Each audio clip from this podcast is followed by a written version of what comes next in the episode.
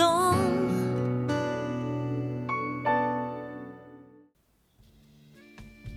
Ksiądz Bosko był zwolennikiem tworzenia stowarzyszeń młodzieży. Były to swego rodzaju koła zainteresowań.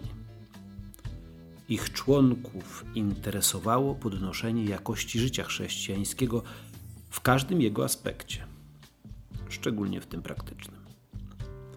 Poszczególne towarzystwa miały swoje regulaminy. Poznajmy je dzisiaj. Jeszcze na chwilę zaglądamy do Chieri, ale potem przeniesiemy się do Turynu. Na ostatnim spotkaniu wspomniałem o Towarzystwie Radości, które w roku 1833 założył Jan Bosko i jego koledzy. Przy tej okazji chciałbym dodać istotną uwagę dotyczącą dat z tego okresu. Podaję daty ustalone przez badaczy życia księdza Bosko na podstawie źródeł innych niż wspomnienia oratorium. Najczęściej jest to przesunięcie o rok. Jako datę założenia Towarzystwa Radości ksiądz Bosko podaje rok 1832. Natomiast należy brać pod uwagę raczej rok następny. Przypomnijmy sobie, że w tymże roku, czyli 1833, Jan Bosko przystąpił do bierzmowania. Towarzystwo Radości, czyli pierwsze towarzystwo młodzieżowe, miało bardzo prosty regulamin, który ograniczył się do dwóch punktów. Pierwszy wyznaczał jakość postawy chrześcijanina, wyrażającej się w wypowiadanych słowach oraz podejmowanych czynach. A drugi punkt zobowiązywał do pilnego wypełniania obowiązków szkolnych i religijnych. To były szczytne cele. Na czele towarzystwa stanął Jan Bosko i to on sformułował regulamin. W jaki sposób działało towarzystwo? Posłuchajmy fragmentu wspomnień oratorium. W ciągu tygodnia Towarzystwo Radości gromadziło się w domu jednego ze swych członków, aby rozmawiać o religii. Na te spotkania przychodził ten, kto chciał. Do najbardziej systematycznych należeli Gariliano i Braje. Czas spędzaliśmy na zajmującej zabawie, rekreacji, pobożnych konferencjach, lekturach religijnych, modlitwach, udzielaniu sobie dobrych rad oraz zwracaniu uwagi na te wady osobiste, które ktoś zauważył czy o nich słyszał z ust innych. Nawet tego wówczas nie wiedząc, wprowadzaliśmy w czyn tę wzniosłą myśl: szczęśliwy, kto ma doradcę. Oraz sentencję Pitagorasa: Jeśli nie masz przyjaciela, który poprawiłby twoje wady, zapłać nieprzyjacielowi, aby oddawał ci tę przysługę. Oprócz tych przyjacielskich spotkań chodziliśmy słuchać kazań, często przystępowaliśmy do spowiedzi i komunii. Dobrze będzie tu przypomnieć, że w tamtych czasach religia stanowiła istotną część wychowania. Tu kończymy cytat ze wspomnień oratorium. Przenieśmy się teraz kilkanaście lat do przodu, do roku 1847. Oratorium na Waldocco już tętniło życiem. Ksiądz Bosko zatwierdzał wtedy regulamin Towarzystwa Świętego Alojzego Gonzagi. Jego członkowie zobowiązywali się do praktykowania cnót, którymi w życiu odznaczał się patron towarzystwa, święty Alojzy Gonzaga. W tym miejscu przypomnijmy sobie kilka informacji na temat tego świętego. Alojzy żył w drugiej połowie XVI wieku. Pochodził z książęcej rodziny z Lombardii, czyli z północnych Włoch. Był dzieckiem pierworodnym, odrzucił jednak wszelkie związane z tym przywileje i wstąpił do jezuitów. Zmarł w wieku 23 lat, zarażony od chorego w czasie epidemii dżumy. Został kanonizowany razem ze świętym Stanisławem Kostką w 1726 roku. Trzy lata później został ogłoszony patronem uczniów, studentów.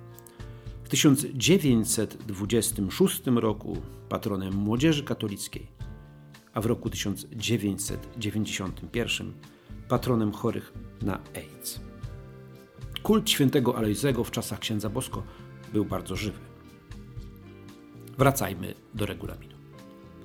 We wstępie dowiadujemy się, że aby przystąpić do Towarzystwa Świętego Alojzego Gonzagi, należało odbyć miesięczną próbę, aby się przekonać, że się podoła spełniać wymagania towarzystwa.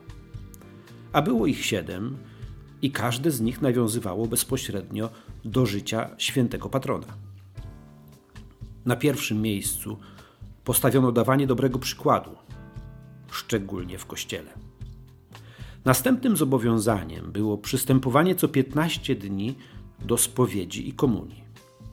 W trzecim punkcie pojawiło się zalecenie, już nam znane, aby unikać jak zarazy, złych kolegów oraz wystrzegać się nieskromnych rozmów. Czwarty punkt wzywał, aby każdego kochać w najwyższym stopniu oraz z łatwością przebaczać. Kolejny punkt zobowiązywał do zaangażowania się w życie oratorium. Punkt szósty nawiązywał do posługi świętego Alojzego względem chorych i nakazywał modlitwę za chorych kolegów oraz troszczenie się o nich. Ostatni punkt zobowiązywał do pracy, dobrego wykonywania obowiązków oraz posłuszeństwa wobec wszystkich przełożonych. Już po pobieżnym zapoznaniu się z celami towarzystwa widzimy wyraźnie jego cel. Było nim dążenie do świętości, które miało służyć jednak nie tylko samym członkom towarzystwa, ale także ich kolegom, środowisku, w którym na co dzień się obracali. Przesuwamy się o kolejne 9 lat do przodu. Aby przeczytać jeszcze jeden regulamin, regulamin najsłynniejszego młodzieżowego towarzystwa w oratorium Towarzystwa Niepokalanej. Jest to tekst o wiele dłuższy od poprzedniego i zawiera o wiele więcej informacji nie tylko o tym, do czego zobowiązywali się członkowie towarzystwa, ale także informacje o jego założycielach. Było ich dziesięciu, a wśród nich Dominik Savio, Michał Rua i Jan Caliero. Osoby doskonale znane. Pierwszy z nich to święty, drugi błogosławiony i pierwszy następca świętego Jana Bosko, trzeci szef pierwszej ekspedycji misyjnej Salezjanów oraz pierwszy salezjanin biskup i kardynał. We wstępie pojawia się jeszcze jedna osoba Alojzy Komollo, przyjaciel Jana Bosko z ostatniej klasy szkoły średniej i pierwszych dwóch lat seminarium. To jego postawiono jako wzór do naśladowania.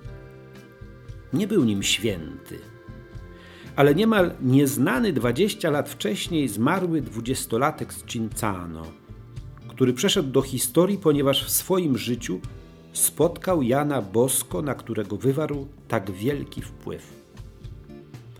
Potem Jan Bosko napisał jego biografię, którą polecał czytać swoim wychowankom.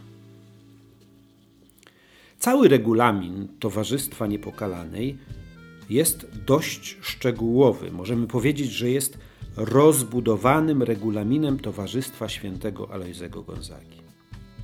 Ma też oryginalne zapisy. Trzy wstępne punkty zobowiązywały do przestrzegania zasad domu, czyli oratorium, dodawania dobrego przykładu, ale także łagodnego upominania oraz do jak najlepszego wykorzystania czasu. Jeden z punktów określał częstotliwość spotkań członków towarzystwa raz na tydzień, na pół godziny oraz ich cel, aby przyjrzeć się postępowi w cnocie i pobożności, ale także rozwiązać wątpliwości i pozbyć się błędów, które mogły zostać popełnione. Regulamin nie nakładał dodatkowych praktyk pobożnych, jedynie je polecał na przykład różaniec. Skupiał się na gorliwym i regularnym przystępowaniu do sakramentów. Zwracał uwagę na rolę Słowa Bożego.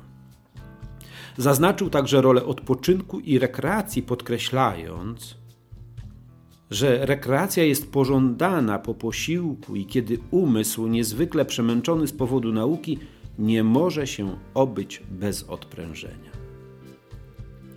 W ostatnich punktach zobowiązywał do zachowania ciszy w czasie nauki, do akceptowania posiłków takimi, jakie są, do powstrzymywania się od narzekania.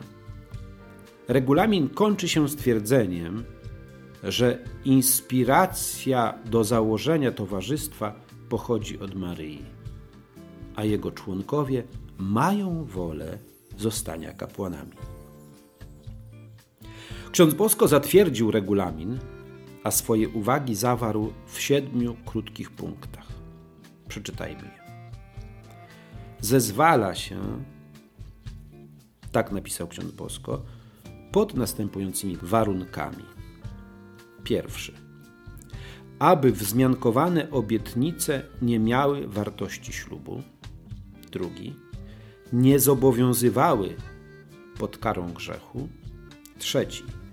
Na spotkaniach ustali się jakieś zewnętrzne dzieło miłosierdzia, jak sprzątanie kościoła, opieka nad najbardziej niesfornymi w domu lub najsłabszymi w nauce i temu podobne. Czwarty warunek – Podzieli się dni tygodnia tak, żeby w każdy dzień ktoś przystępował do Komunii Świętej. Piąty. Nie będzie się dodawać żadnych praktyk religijnych bez specjalnego zezwolenia przełożonych. Szósty. Przyjmuje się jako podstawowy cel towarzystwa szerzenie nabożeństwa do Najświętszej Maryi Niepokalanej i do Najświętszego Sakramentu. Siódmy przed przyjęciem nowego członka należy go zobowiązać do przeczytania biografii Aloizego Komollo. Pierwsze dwa warunki i piąty są obowiązkowe. Inne są zalecane. Tyle ksiądz Bosko. To w tych towarzystwach młodzieżowych rozwijała się elita młodych wychowawców, którzy z całą świadomością chcieli oddziaływać na swoich kolegów, zachęcając ich do dobrego życia opartego na wierze w Boga. Ksiądz Bosko doskonale zdawał sobie sprawę z tego, że sam nie poradzi z wychowaniem setek chłopców i dlatego potrzebował współpracowników. Z nieba początkowo pomagał mu Alojzy Komollo, potem Dominik Savio, a na ziemi m.in. Michał Ruła, Jan Kaliero i dziesiątki innych, którzy bardzo poważnie przyjęli zaproszenie starszego od nich księdza i zaangażowali się na całego. Dziękuję za wysłuchanie czwartego odcinka rozważań o świętmienie Bosko na kanale Wydawnictwa Salezjańskiego i zapraszam na następne spotkanie. Naucz nas, Księże Bosko, żyć nadzieją jak wiosną każdego.